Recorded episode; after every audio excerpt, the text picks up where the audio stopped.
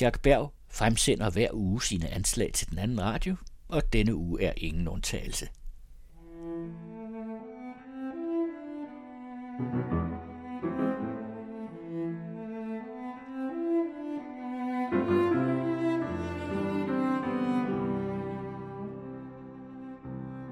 Anslag midt i en coronatid. Skønt vaccineret to gange er det i et sanitært indespærret Frankrig, stadig i april måned, hvor dette program produceres, over telefonen af forfatteren og journalisten Jacques Berg læser egne tekster om verdens gang set fra Lyberon i Sydfrankrig, hvor han har boet i årtier, og hvor vi håber meget snart at kunne møde en rigtig menneskestemme igen. I denne uge er det historier, udfald og meninger fra Jacques Notesbog 2015 til 2017.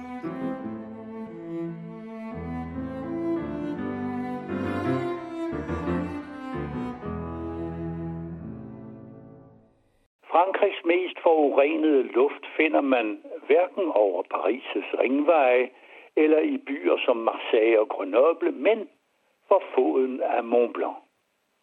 I den frie, jomfruelige natur fyrer folk med brænde, og køerne slipper enorme mængder gas ud. Luften er ikke til at trække vejret i. Således kan selv den rene natur være fake.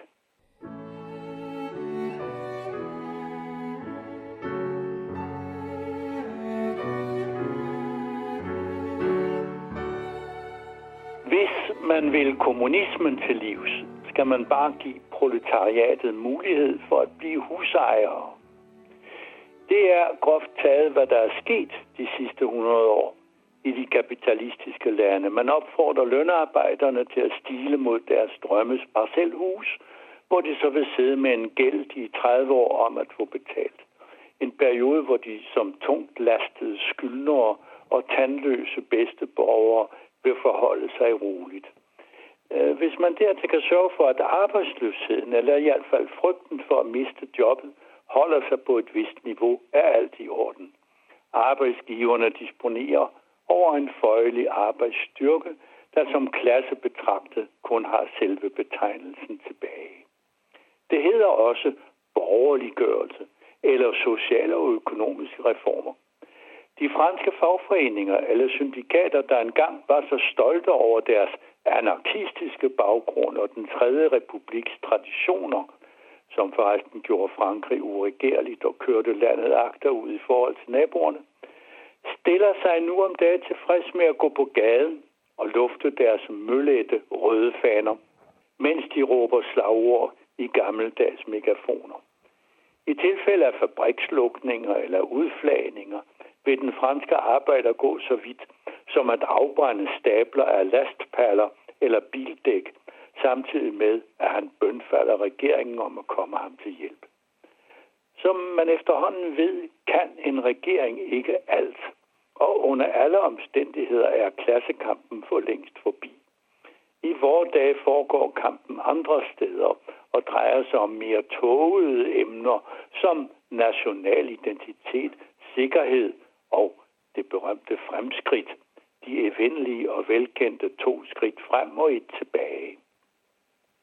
Neutraliseringen af arbejderklassen er et sødt stykke boulevardteater, der også kunne hedde småborgeråndens endelige sejr, eller hvordan afvæbner man folket. En success story, som passende kunne belønnes med tag fusen prisen.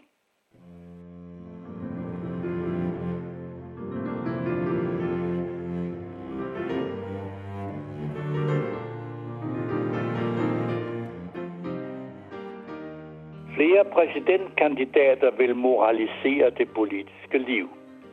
Således bør man snarest vedtage en lov, der forbyder en parlamentariker at ansætte sin egen kone, sine børn, en fætter eller en kusine som lønnet assistent.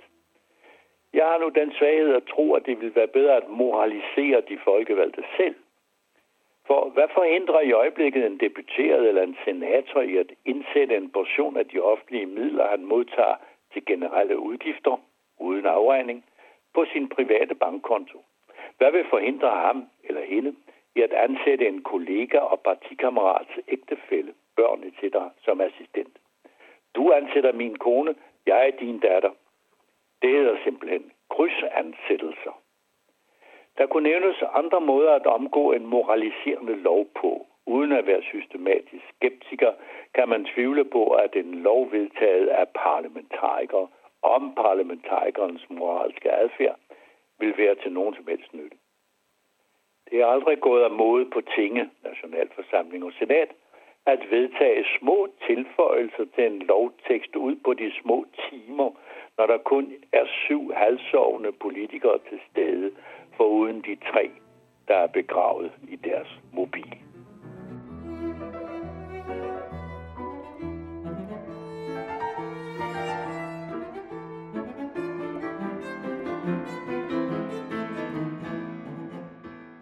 Ligesom himlen begynder ved jordens overflade, vokser fremtiden direkte ud af fortiden. Kærligheden ud af hadet. Døden ud af livet. Alting er ingenting. Og omvendt.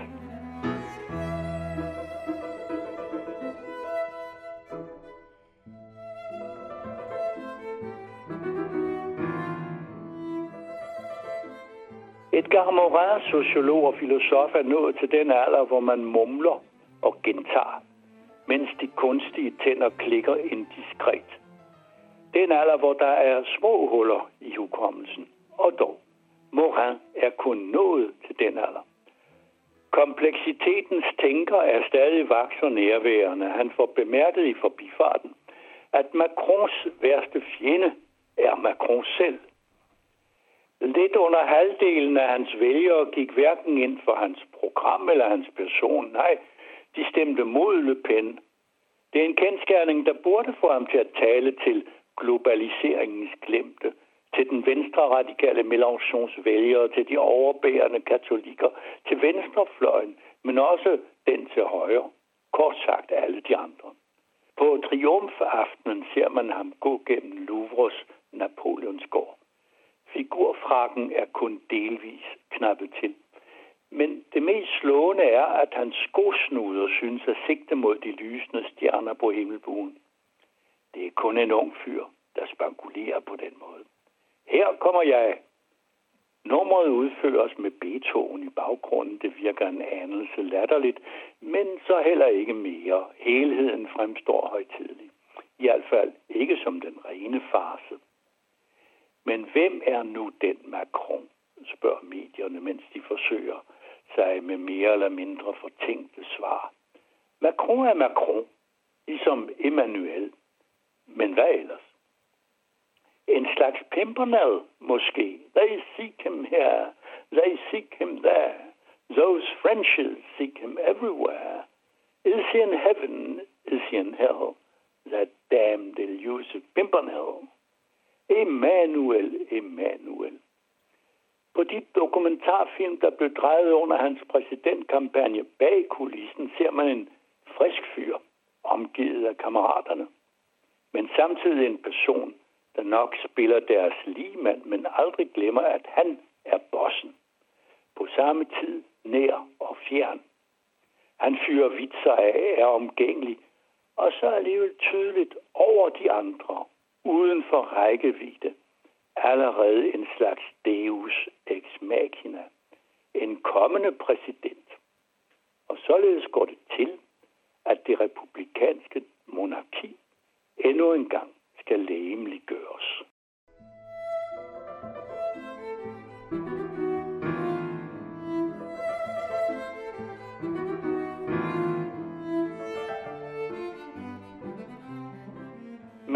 Arten har lige indvundet 100.000 år, og samtidig fået en ny oprindelig adresse.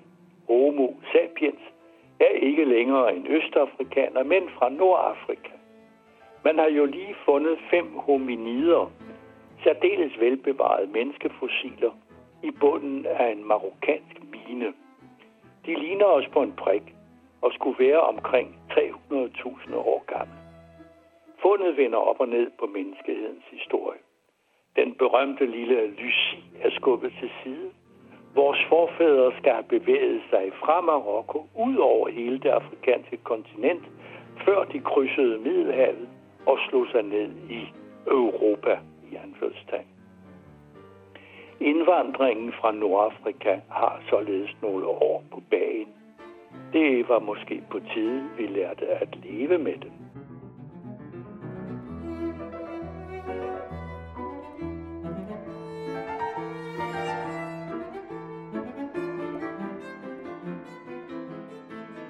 Så klarede Wonderboy skærene. Emmanuel Macron gifter sig med republikken, efter at have giftet sig med sin gymnasielærer. Man bebrejder ham, at han ikke har noget program. Det er da egentlig meget godt. Hvad skal man med det skidt? De politiske programmer lever et kort liv. Man glemmer dem med det samme efter et valg, og der er ingen, der tænker på dem. Undtagen de professionelle surmulere. Man vender blikket mod de aktuelle problemer, og ikke så sjældent op i loftet. En valglov, der indbyder, nej faktisk, tvinger folk til at stemme på A for at undgå B, har noget perverst over sig. I et moden demokrati skulle vælgeren snarere kunne stemme efter sine præferencer og ikke forsumpe i uoverskuelige strategiske overvejelser.